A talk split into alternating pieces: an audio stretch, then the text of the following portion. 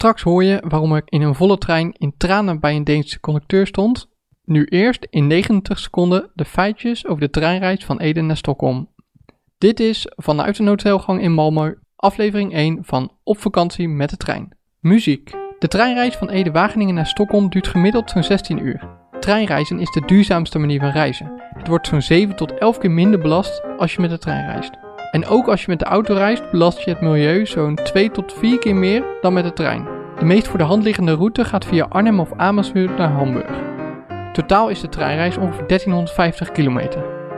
Het langste rijdt de trein in Duitsland, zo'n 900 kilometer. Tijdens de reis zijn er diverse slaapcabines beschikbaar waar je comfortabel kan slapen. De trein passeert diverse grote steden, waaronder Arnhem, Hamburg en Kopenhagen. Tijdens de treinreis kun je lokale specialiteiten proeven zoals Zweedse hakballetjes, Deens smeurbrood of Duitse pretzels. Lekker culinair in de mood komen. De trein bereikt een gemiddelde snelheid van ongeveer 120 km per uur.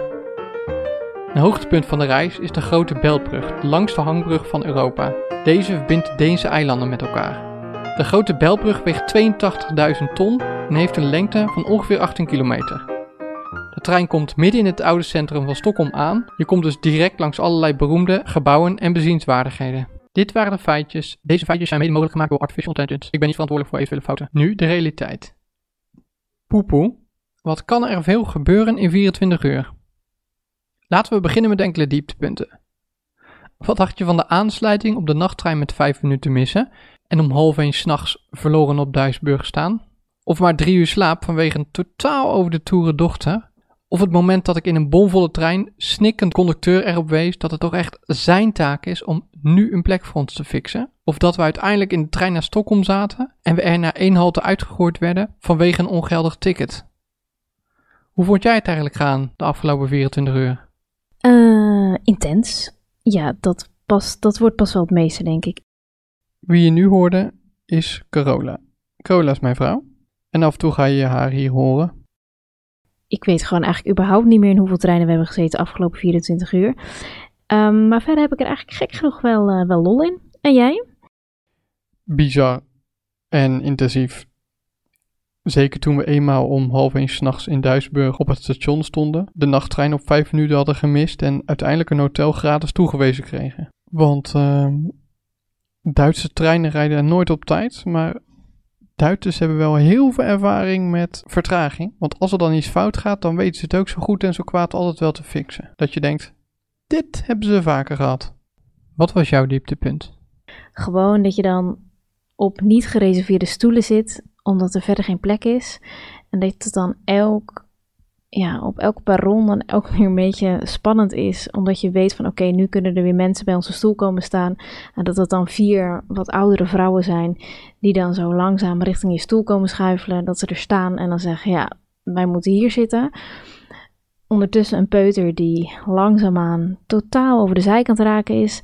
Lea die slaapt, dat is dan wel weer fijn. En jij bent dan eigenlijk ook nog een beetje de kers op de taart die dan zegt tegen die vrouw van ja, nee, we zitten hier en uh, we gaan niet weg. Echt, mijn schuldgevoel, ik vond het echt, ik zat helemaal in de knup. Maar waarom moest je huilen dan?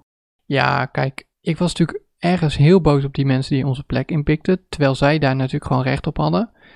Ik vond gewoon dat wij ook recht hadden op een plek. Dat had die man immers beloofd. S ochtends vroeg, toen ik dit ticket om ging boeken.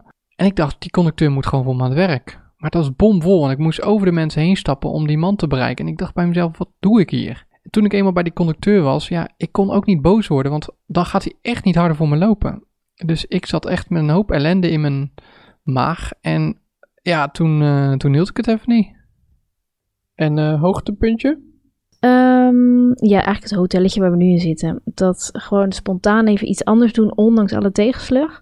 Voelt eigenlijk een beetje als een avontuur. En, oh ja, Lea die, oh, die slaapt alleen. En als ze wakker is, uh, lacht ze zich suf. En dat vind ik zo schattig en aandoenlijk dat ze iedereen om de vinger wint. En ik ben eigenlijk ook wel een beetje trots op mezelf dat ik niet totaal in de stress ben geschoten door uh, de laatste twee treinreizen. Echt chaos in die trein. Dat was niet te overzien. Ja, dat klopt. Het was hele grote chaos. Maar we gaan afsluiten. Heb je nog een vraag aan me? Um, ja. Hoe laat vertrekt de trein morgen? En uh, wil je dat vanavond nog tien keer tegen me zeggen? En het liefst morgen eigenlijk ook nog tien keer, want het lukt me echt totaal niet om dit te onthouden.